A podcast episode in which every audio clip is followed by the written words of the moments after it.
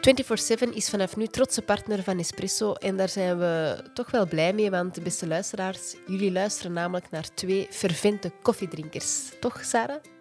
Klopt, ik zou helemaal niet zonder kunnen. wel, ik ook niet. Een lekkere tas koffie, dat kan echt wel een boost zijn, vind ik, om, om een drukke dag door te komen. En Espresso weet dat maar al te goed, want ze hebben daarom een nieuw gamma gelanceerd onder de naam Functional Coffees. En de koffies uit dit gamma die bevatten pure functionele ingrediënten zoals extra cafeïne of extra vitamintjes. Dus uh, lekker en ook goed voor het well-being. Uh, wij proeven vandaag de Stormio Go en wij zijn alvast fan. En we zijn ook eens benieuwd of onze gast van vandaag ook kan genieten van een lekker tasje koffie. Welkom bij 24-7. 24 op 7 bezig zijn als mama, onderneemster en als vrouw van een drukbezette carrièremaan is, we're not gonna lie, een tikkeltje vermoeiend, maar vooral heel boeiend en plezant. In dit tweede seizoen gaan we nog dieper in op het thema ouderschap en het belang van de work-life balance. Als bekende mama's zullen we deze keer ook papa's en experten aan het woord laten. Sit back, listen and relax. Here we go.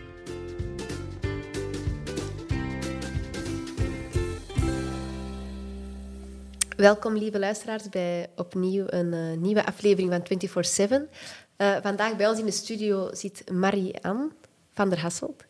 Welkom. Uh, Marie-Anne is klinisch psycholoog, professor aan de Universiteit van Gent en sinds kort ook auteur van haar eigen boek Ouders onder hoogspanning. Marianne, hoe is het voor het moment met u? Goed, ja, spannend wel allemaal. Zo met de lancering van het boek, promotie daarvan. Heel veel nieuwe dingen die op mij afkomen. Leuk. Maar ook weer om te combineren met kinderen, de work-life balans toch altijd proberen in evenwicht te houden. Dus ja, spannend, maar ook een uitdaging. Ik ben kei blij van dat te horen. Bij ons is dat ook zo met een boek, dat is ook zo spannend. En heb jij dat onderschat wat dat daarbij komt kijken?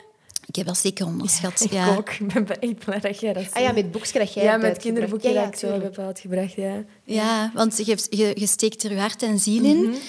Dan komt het uit.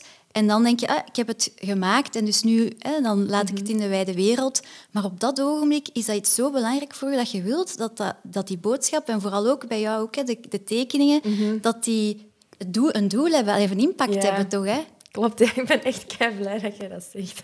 Ja, dat is zo even een paar weken media-aandacht ja, top. Hè? Ja, je denkt ook gewoon, ik heb dat boek gemaakt en eigenlijk klaar, maar het is inderdaad gelijk dat je zegt, vanaf dat dat er dan effectief ligt en dat ligt op tafel, wil dat dat, je wilt dat dat goed draait, dat dat goed overkomt, dat mensen daar een boodschap aan hebben, dat het goed verkoopt natuurlijk ook.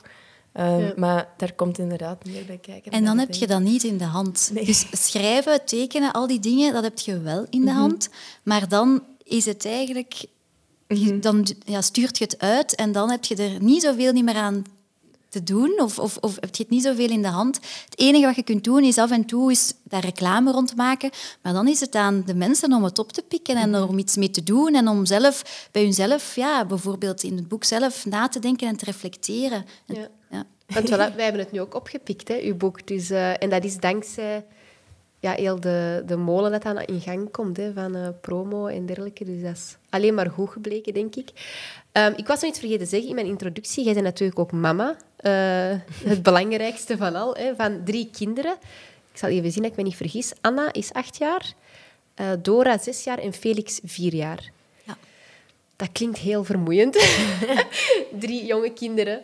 In combinatie met dan eigenlijk al uw professionele activiteiten. Dat is uh, toch niet evident, denk ik, om, uh, om bol te werken. Nee, nee, dat klopt. En dat is een uitdaging. En dat is soms de lat een beetje lager leggen. Soms dingen die anders verlopen dan dat we het in gedachten hebben.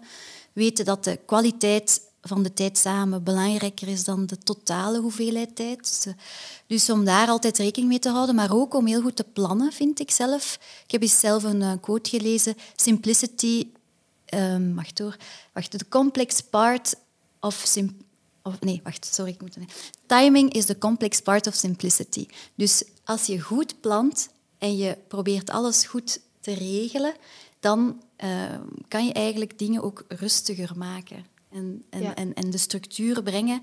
En dat werkt bij mij wel, vind ik. Van goed de weekplanning na te gaan, goed te na te denken hoe dat we dingen gaan aanpakken en u voor te bereiden op moeilijke situaties, eh, zoals op tijd op school komen. Hoe gaan we dat aanpakken?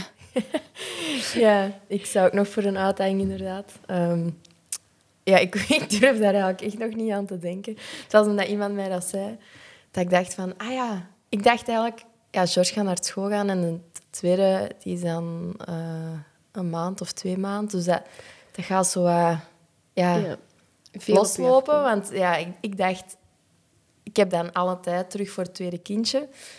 Maar niet bij nadenkend dat natuurlijk het eerste kindje ook op tijd op school moet komen. Um, dat dat even allemaal wennen is, maar we hebben een maand om samen te wennen. Dus. Ja, en, en zo die op tijd komen ergens of tijdsdruk ervaren. Wij weten vanuit studies dat dat een hele gestresserende situatie is. Als mensen ergens willen op tijd toekomen, dat mhm. dat, dat voor hen ook uh, ja, in het brein van alles losmaakt. Omdat we echt wel dan die dreiging voelen van oei, ik ga te laat komen. En mijn kind wil zijn schoenen niet aandoen. En de andere zijn, zijn kleren wil hij niet aandoen. Of ik zeg maar iets. Mhm. Eh, of, of er is een ongelukje gebeurd. En die onvoorspelbare situaties maken dat het allemaal zo stresserend wordt.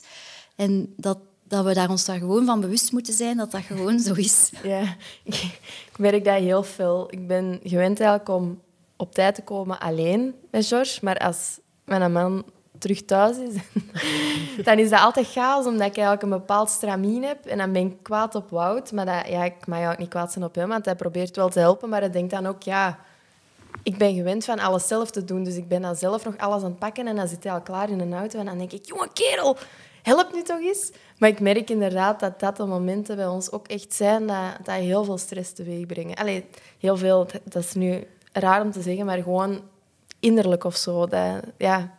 ja, maar dat is zo. Want als, als wij ergens een bepaalde druk gaan ervaren, dan gaat er in ons brein ook van alles gebeuren waardoor dat bepaalde emotiecentra heel actief worden, maar de centra waar dat we helder voor moeten nadenken en de juiste beslissingen maken op het juiste moment, dat die minder sterk zijn. Dan beginnen we bijvoorbeeld onze afwasmachine nog eens leeg te maken. Of dan beginnen we iets te doen met de kinderen, of, of dan beginnen we iets op te ruimen of zo. Terwijl als je dat logisch nadenkt van ja, nee, het belangrijkste is in die auto gaan zitten om op tijd te kunnen vertrekken. Mhm.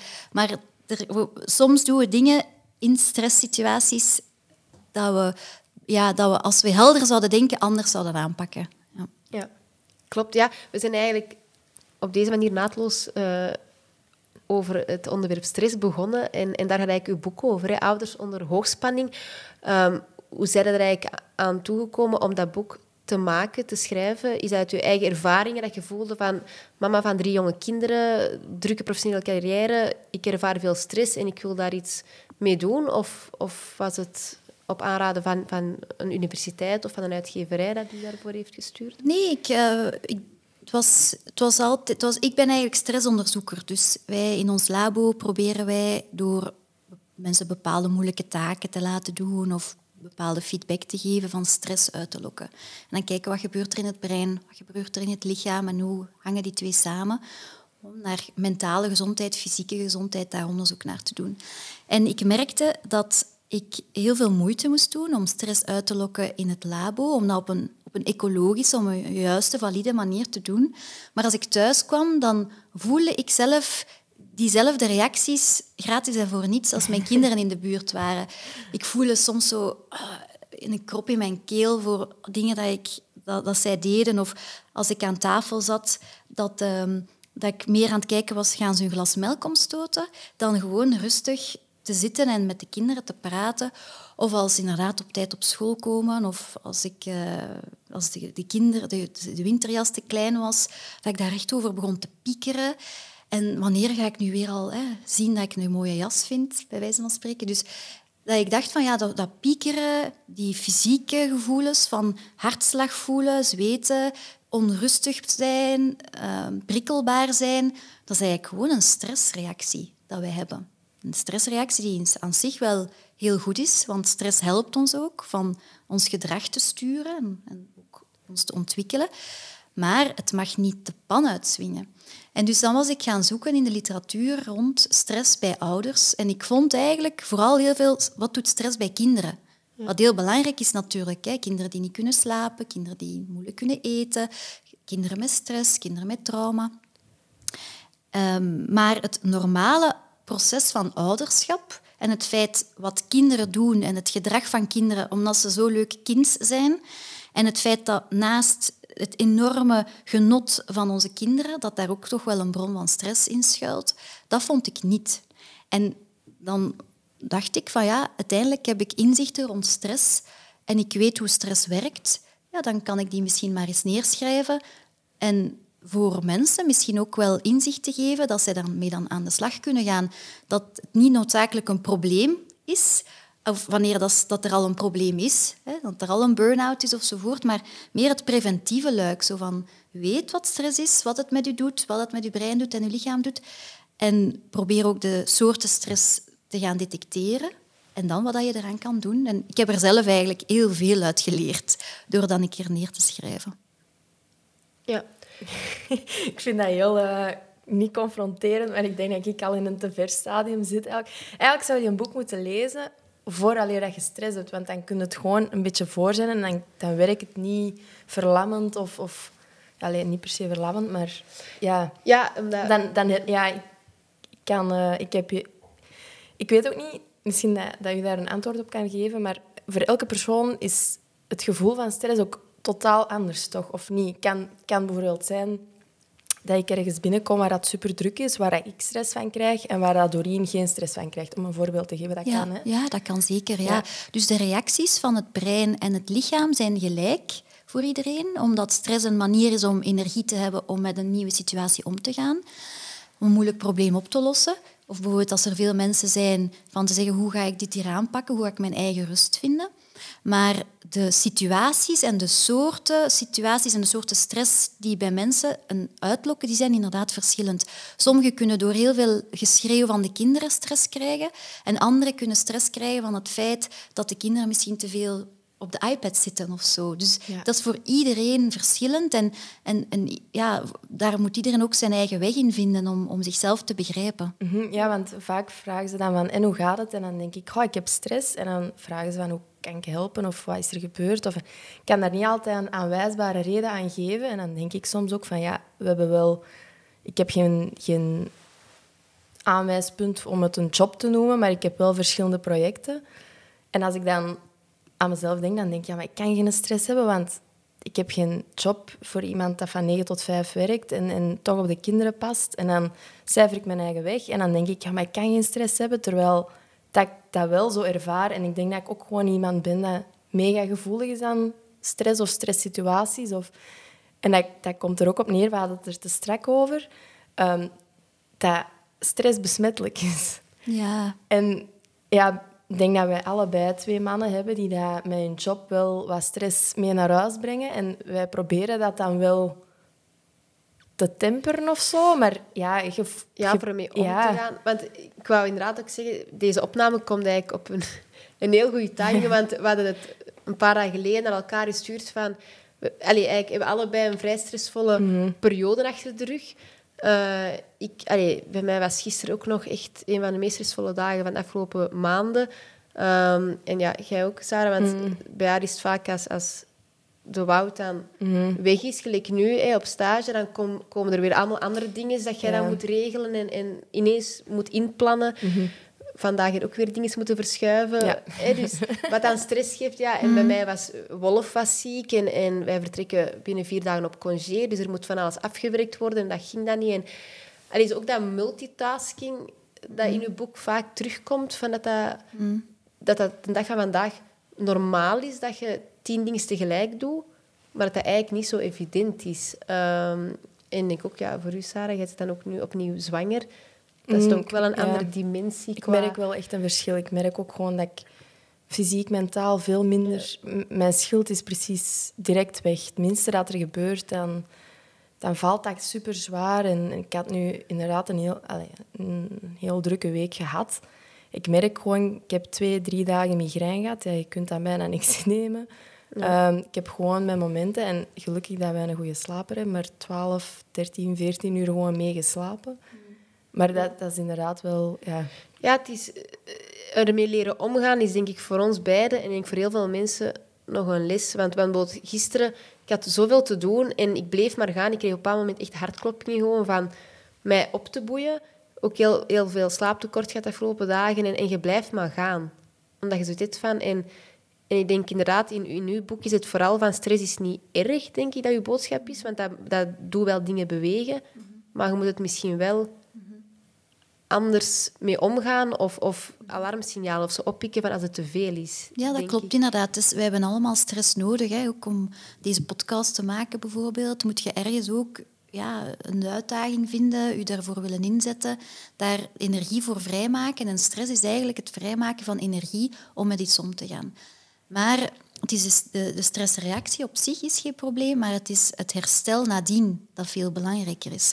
Namelijk, bijvoorbeeld, we hebben een hele drukke dag gehad. Eh, we hebben heel veel dingen tegelijkertijd gedaan. En inderdaad, multitasken, eh, dat, dat lokt al stress uit, kan ik straks ook wel vertellen. Maar dan, wat, wat gebeurt er dan? Ehm, nadien is het de bedoeling dat die stressreactie terug gaat gaan liggen. Dat dus die energie die is vrijgemaakt in het lichaam, dat die eruit gaat, dat die terug tot rust kan komen. Maar vaak, hè, zeker in een spitsuur van het leven, dan zijn er zoveel dingen die dan op ons afkomen, zoals bijvoorbeeld een ziek kind of een deadline die eraan komt, of het gevoel hebben dat alles tegelijkertijd moet geregeld worden, dat dan die, die stressreactie niet tot beneden is kunnen, kunnen komen, maar eigenlijk terug gewoon heel snel terug naar boven gaat, waardoor dat je, zonder dat je het weet, sluimerend veel meer stress ervaart en sluimerend veel meer een verhoogde stressniveau hebt, waardoor, zoals dat je zegt, dat het schild wegvalt. Dat je niet het gevoel hebt dat je er mee om kan, omdat je gewoon al een veel hoger niveau hebt van stress, waardoor dat de weerbaarheid lager wordt, waardoor dat je veel prikkelbaarder zal zijn, veel of emotioneler zal zijn, omdat die stressreactie gewoon nog op een hoog niveau zit. En wat doen wij? We denken van, hè, we moeten tot, ja, tot rust komen. Vaak gaan mensen ook dan ja, proberen tot rust te komen, fysiek tot rust komen, maar het is mentaal ook dat je blijft nadenken, blijft piekeren over dingen die je anders had kunnen doen, of die je best, hoe dat je het best zou kunnen aanpakken, of hoe dat bijvoorbeeld in de toekomst dingen gaan gebeuren. Dus dat, dat we mentaal heel, heel, heel actief blijven, waardoor dat die rust heel moeilijk te vinden is. Ja, ja en, en ik denk dat we ook allebei al hebben gemerkt, je brengt dat ook over op je kind. Hè? Ja, Als je zo gestrest bent en, en die doet dan even niet wat dat jij wilt dat hem doet, dan... Dat gaat ook vaak samen. Hè. Als je ergens op tijd inderdaad moet zijn, dan is dat juist het moment dat hij zijn schoenen niet wilt aandoen. En Ja. als je een kwartier over hebt, dan, dan zegt hij, ah, schoenen aandoen. En dan denk ik, allee, hadden dat nu gisteren niet kunnen doen? Of, allee, en inderdaad wel, dat, dat is iets dat je wel... Ja, want als jij dan ambetant wordt als mama, dan ja, gaat hij nog meer tegenwerken. Of, of allee, ik denk dat dat toch ook wel iets is wat... Ja, dat is, studies die, ehm, zijn daar heel duidelijk in en dat is nog maar nog niet zo heel lang geweten. We- dat is intuïtief dat we het eigenlijk allemaal al weten, maar dat wij, dat wij zien dat ehm, als ouders bijvoorbeeld een, een moeilijke stresserende taak doen en zij, wij zien in hun lichaam hun hartslag is verhoogd, hun ademhaling is versneld, dat dan, als dan het kind daarna terug bij de ouder komt, dat dan ook al heeft het kind geen enkele stresserende situatie meegemaakt, dat, dat, dat dan ook de hartslag van dat kind gaat versnellen en dat er ook andere zaken in dat kind veranderen, waardoor dat, die kind, dat kind ook een stressreactie gaat gaan opwekken. Dus inderdaad, stress is erg besmettelijk. Zonder dat we het weten, gaat het onderhuids naar elkaar doorgaan. Hetzelfde is ook de hersengolven. Die, die gaan elkaar ook vinden. Dus het is niet alleen het feit van dat, dat is, maar ook gedrag. We gaan elkaar voor een goed contact te hebben met elkaar. Moet jij de anderen weten te vinden, de hersengolven weten te vinden van elkaar, dat je letterlijk en figuurlijk een band maakt. Hè? En door stress is dat veel moeilijker om die band te maken. Ga je elkaar niet begrijpen? Ga je elkaar niet goed aanvoelen? Ga je het gevoel hebben dat, dat je... Wat, wat doet die andere nu?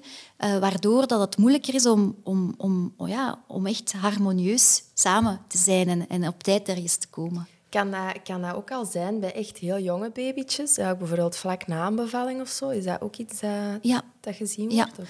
Ja, daar zijn ook studies, niet zoveel studies, maar die ook zien dat, ehm, of resultaten tonen aan dat heel jonge baby's ook aan de variabiliteit van hun hartslag, dat zij inderdaad de stress kunnen oppikken. Maar het is altijd een beetje, dat is ook niet slecht, dat, kindjes soms stress oppikken. Hè. Stress is niet iets dat volledig moet vermeden worden, maar het is ook een, een kind ook de mogelijkheid geven om na een stressvolle gebeurtenis terug tot rust te kunnen komen. Bijvoorbeeld lichamelijk of eens echt op terug te wrijven of echt ja, hele leuke, lieve momenten samen te hebben van echt verbondenheid. Dan kan die baby ook terug tot rust komen. Maar inderdaad, ook al proberen wij onze stress te verstoppen, het is zo dat stress besmettelijk is onderhuids. Ja. Ja, kan het zelfs zo dat je als, als mama, als je zwanger bent, dat je die stress ook echt overbrengt naar, naar je kindje dat in je buik zit? Dat denk je dat ook wel met elkaar verbonden is, lijkt mij. Ja, er zijn studies inderdaad dat de stresshormonen die door de mama worden gemaakt, inderdaad doorgegeven worden aan het kindje. En dat dat dan een invloed heeft. Maar ik denk dat we daar ook dat we dat ook een beetje kunnen nuanceren, dat een mama wel stress kan hebben. En dat een mama wel niet de stress moet hebben om geen stress te ervaren. Want ja, jij zit al gerust. Stress hoort nu eenmaal bij het leven mhm. en, en hoort erbij. En, en dat vermijden heeft geen enkele zin. Dat geeft ons alleen maar meer stress. Dus het is proberen inderdaad van uw rust van tijd tot tijd terug te gaan vinden. En niet door gewoon in de zetel te gaan zitten, maar echt die gedachtenknop voor u proberen technieken te vinden om die gedachtenknop even op pauze te zetten of mhm. even gewoon stiller te zetten. Ja. Techniek is nog niet gevonden bij mij.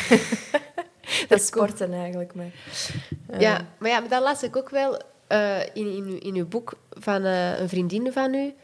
En dat die zei van ja, als ik een uurtje ga sporten, s'avonds, uh, dan kom ik er gestrester van terug, want dan heb ik een uur mijn huis niet kunnen opruimen of, allee, of dan loop ik daar weer mee achter. Dus waarom zou ik het dan nog doen? En dat is wel herkenbaar, maar ik vond ook wel, want jij zei er dan op van, ja, maar dan doet het helemaal niet. En dan kom je nooit tot rust. Dus je moet het wel ingepland krijgen.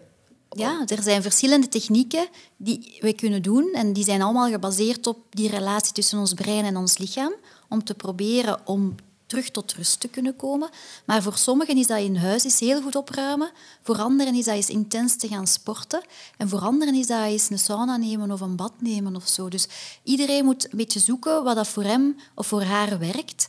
En het is wel belangrijk om te weten dat de stressreactie iets heeft uitgelokt, een lichamelijke reactie heeft gemaakt.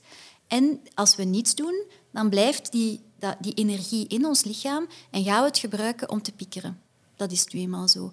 En dus dan moeten we zoeken van een best lichamelijke technieken, want hoe meer dat wij in onze emotie zitten, hoe moeilijker dat het is om laat het los, geef het een plaats, trek het u niet aan. Dat is moeilijk als we in onze emoties zitten. Dus dan is een andere mogelijkheid om te proberen van die energie vrij te laten door. En dat hoeft niet heel lang te zijn, maar bijvoorbeeld als we aan tanden poetsen zijn met de kindjes of zo, dan een keer heel, heel goed te dansen. Want dan ga je die energie die je hebt ook weer gaan gebruiken. En dan kan je die al niet gaan eigenlijk voor piekeren inzetten. Of bijvoorbeeld ademhalingstechnieken. We weten allemaal, of, bon, het is toch wel meer en meer geweten, de ademhaling werkt. Maar je kan dat ook doen samen met je kind bijvoorbeeld. Door bijvoorbeeld te zeggen, we gaan nu eens bellen blazen. We gaan nu eens een keer heel lang uitblazen. Ik vind dat altijd een hele dubbele, die ademhalingstechnieken, omdat je soms het gevoel hebt van oké, het werkt wel, maar omdat je daar zodanig rustig van wordt, geeft mij dat soms extra stress. Of zo bijvoorbeeld yoga of zo. Ik heb een bepaalde yoga gedaan die dat, um, vooral liggend was. Um, heel veel stretchoefeningen. En ik lag daar dan een uur. Ah, ik moet nog de was ophangen en ik moet dat nog doen en ik moet dat nog doen. Dan vraag ik mij soms af hoe dat het echt helpt. Want ja, inderdaad, op dat uur heb je je wel bewust gemaakt van die ademhalingsoefeningen, maar je stapt die deur terug uit en je begint gewoon terug je andere ademhaling aan te nemen, je, je oude patroon. Hoe lang zouden we eigenlijk zoiets moeten doen voor daar echt effect van te hebben? Is daar iets... Dus we zien in onze studies dat als mensen een ademhalingsoefening doen voor vijf minuten, dat dan een lichamelijke rem wordt opgezet, waardoor dat zij nadien ook veel minder gaan piekeren. Maar die effecten zijn heel kortdurend en alleen maar op het moment dat, dat ze gedaan worden. En dus daarom moeten mensen inderdaad dat heel regelmatig doen. En een uur is zeker veel te lang, maar dat kan al vijf, tien minuten, een paar keer per week, drie, vier keer per week te doen. En dan zo een aantal maanden toch wel te, te, uit te voeren, waardoor dat je na een tijd een bepaalde lichamelijke rem, een, soort reflex gaat kunnen geven aan je brein om tot rust te kunnen komen. En die piekergedachte, ik moet nog een was doen, ik moet nog dit doen, wat zit ik hier te doen? En eigenlijk allemaal, dat is het brein dat niet tot rust kan komen. Dat is eigenlijk ook het emotiecentrum dat heel, nog veel hard zit te vuren om te zeggen welke zaken dat er nog allemaal moeten in orde gemaakt worden. En ook mogelijk wel het gevolg zou kunnen zijn als dat niet zo zou zijn. Dus, en daarom eh, eigenlijk zorgen maken, piekeren, is een teken dat het dat het nodig is om tot rust te komen. Maar een stressreactie houdt zichzelf in stand. En we willen eigenlijk hebben we de neiging van te blijven dan te piekeren als we daar mhm. ja, niet iets, iets aan doen. Eigenlijk is het een beetje ja, van, een, van een bergrace met de fiets. Eigenlijk zijn wij in ons leven altijd van een berg aan het fietsen. En um, we hebben altijd een beetje de rem in. Maar hoe sneller we fietsen, hoe, meer snelheid we halen, hoe meer stress we hebben eigenlijk, hoe moeilijker dat het is om op die rem te duwen. Hoe meer dat we sneller willen blijven van die berg fietsen. En daarom, maar als we dan eens een bocht hebben of we hebben eens een bult of zo en je hebt heel veel snelheid, is het moeilijk om op heel korte tijd dan te remmen. En daarom is het van belang om die rem gewoon sterker te maken. En die rem makkelijker en flexibeler te kunnen indrukken. En met ademhalingstechnieken, door dat regelmatig te doen, gaat dat wel zo gebeuren. Ga jij veel sneller kunnen zeggen van oké, ik lig hier nu, ik kan ervan genieten. Aan de andere kant denk ik ook, niet voor iedereen zijn alle technieken eh, gelijk. Voor, ik kan ook, ik word zenuwachtig van yoga bijvoorbeeld. Ik ook. Ja. Of zelfs, uh, ik heb ooit eens een cadeaubon gekregen van zo'n massage. Dat was ook in een stressvolle periode in mijn leven. En dat was van ons mama. Die zegt van, laat we een keer masseren, geniet er eens van. En ik lag er op die tafel en ik had gezegd van, ik was alleen maar aan het denken van... Oh, door dit uur massage ga ik nu Sibita sneller moeten doen. Ik moet naar daar, ik moet naar de crash. En dat zijn zo dingen mhm. dat ik ook gewoon weet van mezelf. Al doe ik dat tien keer, dat werkt niet voor mij. Ik, ik moet, wat bijvoorbeeld voor mij werkt, en dat past eigenlijk een beetje bij het introtekstje van deze aflevering, is een, een, een tasje koffie drinken. Zo. Dat is zo voor mij even... Ik kan daar echt van genieten om zo even tot rust te komen. Van ik zit me even neer met een tas koffie.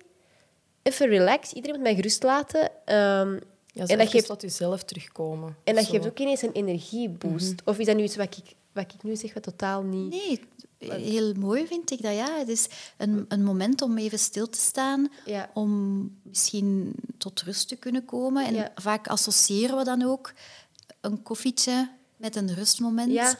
En, en, en, en, en ook al zit daar cafeïne in, want je zou denken, dat worden nog... Maar dat, is, dat geeft toch even wel enerzijds een boost. En mhm. dat zo even van... Uh, en dat helpt dan zo bij mij meer dan dat ik inderdaad, denk ik, uh, vijf minuten op mijn ademhaling ga letten, mhm. denk ik. Ja, maar ik denk dat, je dat, dat, dat, dat die ademhaling niet onderschat mag worden. En dat dat wel iets is dat heel erg werkt, maar dat hoeft geen uur te zijn. Bijvoorbeeld als ik naar hier aan het rijden was, heb ik ook geoefend of gedaan, vijf minuten, zelfs niet eens vijf minuten, gewoon als ik, zolang als ik er zin in had, van in te ademen en dan lang uit te ademen. En om gewoon zo tot ja, vijf, zes, zeven te tellen en dan vijf, zes, zeven uit te, tel, uit te ademen. En dat is een manier ook, omdat ik weet, het geeft gewoon een reflex. Via de hersenstam heel complexe uh, cascades van allemaal processen, maar we zien het, het geeft een reactie aan ons brein. En het is zo dat, dat, dat wij kunnen proberen onze rem sterker te maken. En ik denk dat, dat iedereen voor zichzelf een beetje gaat moeten zoeken wat dat, dat, dat dan helpt of niet. Maar dat, dat het wel zo is dat als je bijvoorbeeld met ademhaling, als je tijdens koffie gewoon ook tot rust komt en rustiger gaat ademen, zou dat ook al ik wou net zeggen, misschien een combinatie. Zo na elke slok koffie is gewoon in- en uitademen. Zo. Ja, of, of als je gaat wandelen in de natuur. Ja, uh, want we weten ook, uh, met natuur in, uh, in, contact komen, dat maakt ons ook rustiger. Ja. Um, dat is ook meestal lawaai dat een beetje gedempt wordt. dat we misschien ook wel leuke vogelgeluidjes hebben of zo. Um, dat maakt ons rustig, dat is zo. En um, als we wandelen, dat we dan ook proberen van rustig op onze ademhaling te letten, want dan zijn we sowieso ja, fysiek bezig, maar we zijn ook op onze ademhaling aan het letten. Dus ik denk dat er heel veel mogelijkheden zijn om, om via ons lichaam als een toegangspoort naar ons brein tot rust te brengen. Maar ja, iedereen kan het voor zijn eigen zoeken, wat dat werkt. Ja. Misschien het ook gewoon inplannen. ja, inderdaad. Als je met kinderen... Want ja, natuurlijk, als je geen kindjes hebt, dan is het al sneller voor te zeggen van oké, ik krijg hier stress van. Ik ga nu een uur lopen of ik ga een uur dit doen of een uur dat doen. Maar als je met kindjes hebt, moet je natuurlijk iets meer inplannen. En zoals je zegt, na het tandenpoetsen gewoon een keer zeggen van oké, we gaan hier even alle remmen los, vijf minuten, en daarna in bed. Of, allee, Ja, en dat is ook wel, ook als stress besmettelijk is, is rust ook besmettelijk. Dus het gaat langs twee Ah ja, kanten. oké, dat ook. Dat is wel ook besmettelijk. Dus als jullie samen leuke dingen doen en dan bijvoorbeeld alle energie eens loslaten en dan daarna te kunnen genieten van de lichamelijke rust dat je voelt, dat is zeker ook, dat is echt aan te raden, omdat dat de harmonie in een gezin ten goede komt. Ja. Ja, en ik denk, wat hebben we toch al een paar keer gehoord in onze vorige eh, opnames of afleveringen. ehm, ik denk ook goed communiceren met je partner, van echt aangeven van... "Oeh, Ik ben even over mijn, mijn grens gegaan, eh pak even over, want... Allee, ik heb dat eh, gisteren bood gedaan. Ik zei echt tegen Robin van... Ik moet echt even een paar dingen afvinken, want ik ga niet kunnen slapen van, van de stress. En die heeft ook wel direct ingesprongen. En dat heeft mij wel rust gegeven. Ik kwam thuis en die zei, ik heb dat gedaan. Allee, stomme dingen. Ik heb de vaatwas uitgeladen. Maurice heeft eten gehad. Dat is een hond. Eh Wolf heeft eten gehad. Dat is het kind. Allee, zo, ik heb de was opgeplooid, wat hij in tien jaar nog nooit heeft gedaan. Eh, en dat, dat was voor mij wel zo van, oké, ik kan even focussen op wat ik moet doen. En dan weet ik, om negen uur s'avonds kan ik rusten. En dat lijkt mij, en dat heb ik al vaak gehoord. Ik denk dat Linde dat toen zei, dat die zo elk weekend afwisselen. De ochtendshift voor het kind en de andere partner mag dan gaan sporten of koffietjes gaan drinken met vrienden of zo. En dat dat ook wel een belangrijk is, dat je dat van elkaar weet wanneer dat je te veel is. Ja, want je- wij zien dat verbondenheid, dus het gevoel dat, jij, dat je inderdaad met elkaar kan spreken, praten, dat je, dat je ook je, je emoties laat zien aan de anderen, dat die verbondenheid de beste buffer tegen stress is, of tegen chronische stress toch. Het gevoel hebben dat je er samen iets aan, aan allee, samen iets moois van probeert te maken. En ook ja, opnieuw die verbondenheid, dat is dat dan de hersenen op dezelfde manier gaan werken.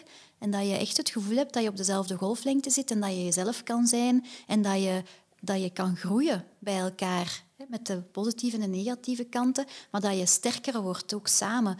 Dus inderdaad, communiceren is heel, heel belangrijk. En heel, toch ook rustig proberen te zeggen wat dat voor jou belangrijk is, om dan samen er een oplossing voor te vinden. Dat kan ik echt alleen maar beamen, ik ben deze weekend, dacht ik, goed idee, ik begin met potjestraining, de papa is toch niet thuis. Maar net het feit dat ik eigenlijk zo'n gestresseerde periode had gehad, maakte dat ik mega gestresseerd was. Dat George dat natuurlijk ook voelde. En dat als ik iets van hulp vroeg, natuurlijk gewoon via FaceTime of telefoon, dat, dat ik het gevoel had dat Wout mij niet kon helpen, want hij was natuurlijk niet fysiek hier. En dat werkte echt mega hard andersom of zo. En het is, allee, dat is echt wel dat, dat communiceren en dat, dat echt samen zijn en dat, die verbondenheid is soms heel moeilijk te voelen op een bepaalde manier via telefoon. En Ja. ik denk dat dat ook de reden is dat, dat Wout en ik soms zoveel stress hebben. Ja. Eigenlijk als wij niet samen zijn.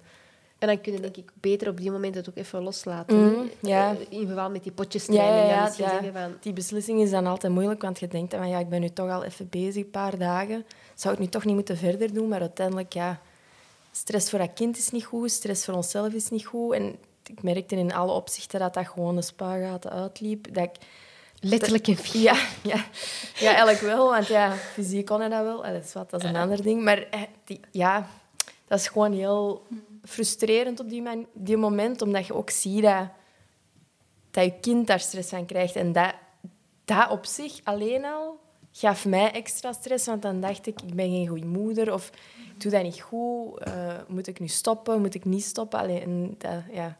Ja. Ja, en, en als we zien wat is de, de kracht voor, voor veerkrachtig of mensen die, die kunnen inderdaad tot rust komen, is flexibiliteit. Om niet rigide te blijven doen. Ik heb dat nu gezegd en ik doe verder en ik doe door, no matter what. En echt doorzetten. Of stilstaan, kijken, wat heeft dat voor gevolg? Wat doet dat met mij? Wat doet dat met mijn kind? Wat doet dat met mijn partner? En dan denken, hoe ga ik het aanpakken? En hoe ga ik eventueel toch veranderen en mij flexibel opstellen? En misschien toch een andere keuze gaan maken om dan op misschien te stoppen of iets anders te doen, maar toch op flexibele manier voor het goed van, van iedereen in het gezin te gaan veranderen en niet gewoon ja, verder doen omdat nee. het zo gezegd hoort. Ja, klopt. Want ja, die moment dat je dan... Ik denk dat ik een hele voormiddag geweend heb, omdat gewoon echt... Ja, ik kan dat eerlijk zeggen, ik kon dat even gewoon niet, uh, mentaal niet aan. En dan, je maakt die beslissing, je doet je pamper terug aan. Want dat is, deze is nu een voorbeeld met potjestraining, maar je maakt gewoon die beslissing om iets los te laten en gewoon een uur na datum, nadien, denk je echt van... Je voelt gewoon echt die last van je schouders. En je ziet dat ook bij, bij het kind terug. Ja, van dat, ja, die pressure is even ja, weg. Zo. Ja. ja. Ja, dan hebben jullie samen gegroeid, want jullie hebben naar elkaar geluisterd. Mhm. Jullie hebben geprobeerd van samen hè, er, iets, er, iets, van te maken. En dan zeggen, oké, de ene geeft dan aan van eigenlijk is het voor mij nog te vroeg. En je houdt rekening met elkaar, je hebt mhm. respect voor elkaar. En dan gaat het er zo alleen maar sterker uitkomen. Oh, voel mij een pak beter. ja, maar dat is, want dat is nu een zinnetje dat mij ook opviel in je boek. Van, wij hebben als ouder altijd een drang tot ja, multitasking, maar ook vooral dat perfectionisme. En dat daar inderdaad een soort van eenzaamheid ook bij komt kijken bij het ouderschap. Wat raar is, want je haalt een kind bij je. Maar dat is ook, vind ik, heel herkenbaar. Je kunt soms een hele dag bezig zijn. Want ja, Sarah is heel vaak alleen met George. Ik ben bijna elk weekend volledig alleen met Wolf, uh, twee dagen lang. Um, en ook al zijn er continu bezig wel met dat kind, maar toch is dat inderdaad een soort eenzaamheid. Ook. En als het dan niet goed gaat, van iets dat je wilt dat in orde is, dat perfectionisme dan weer, dat dat echt zoals een baksteen op u kan vallen. En zo, dat je het inderdaad zo even niet meer ziet. Dat wat soms heel onnozel is. Maar dat dat wel voor heel veel ouders herkenbaar is. Ja, dat is inderdaad... Dus ouderschap is een, de drukste eenzaamheid, zoals we het noemen. Hè. We hebben altijd heel veel dingen te doen. We zien heel veel mensen, maar echt tot verbindende gesprekken komen, dat, dat, is, was, dat, dat is weinig. En door die nood aan verbondenheid, door zo ja, onbewust momenten van eenzaamheid gaan wij een dreigingssysteem in, ons, in onze hersenen gaan activeren. Want wij zijn sociale wezens, wij willen allemaal ergens samen horen en het gevoel hebben dat er dus een village is rondom ons hè, voor dat kind. Mhm. En voor onszelf ook, om, om, om ons verbonden te voelen met de mensen rondom ons. En als we onbewust het gevoel hebben dat, dat daar iets niet juist zit of, of dat we iets missen, dan gaat het emotiecentrum, dus het stresscentrum, geactiveerd worden. En wat gebeurt er dan als het uh, stresscentrum in actie komt? Dan gaan we kijken van, wel, wat is een mogelijke dreiging voor ons? En een mogelijke dreiging kan zijn, ik doe het niet goed. Ik kan het beter. Ik zou het anders kunnen aanpakken. Ik kan het beter en er zit meer in mij. En dus, wat ga je dan doen? Je gaat um, ja, een beetje de lat gaan hoger leggen. Maar bij perfectionisme is het nooit genoeg. De lat, het ideaal, valt niet te, te bereiken. Het, is altijd, het kan altijd beter, het kan altijd anders. En dat perfectionisme ja, zorgt ervoor, is eigenlijk een stressreactie. Is eigenlijk het, het gegeven dat, jij, dat het beter moet, dat het anders kan. Waardoor dat we ook heel onrustig worden, dat we altijd meer willen en dat we ja, misschien gaan multitasken, wat onszelf meer stress uh, bezorgt, waardoor we misschien ook veel minder tot rust kunnen gaan komen.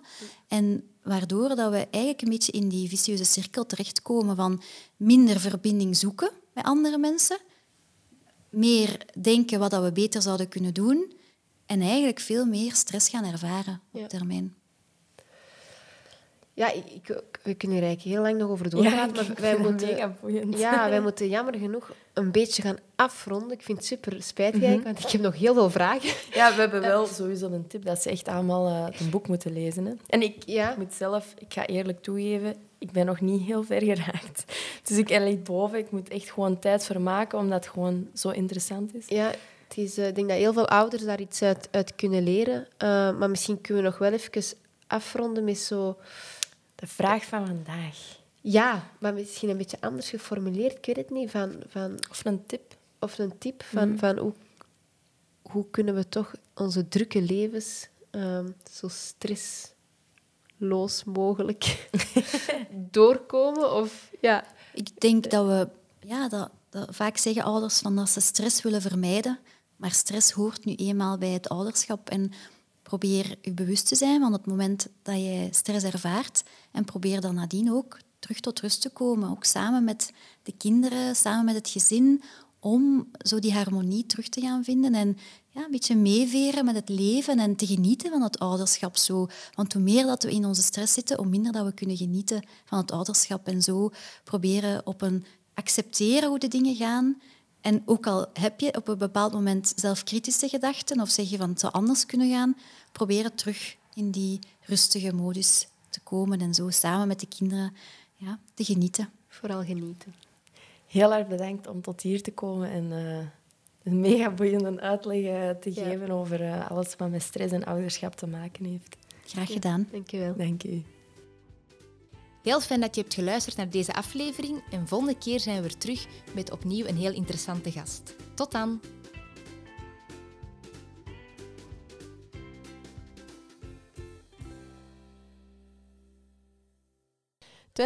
24-7 wordt mede mogelijk gemaakt dankzij Comma.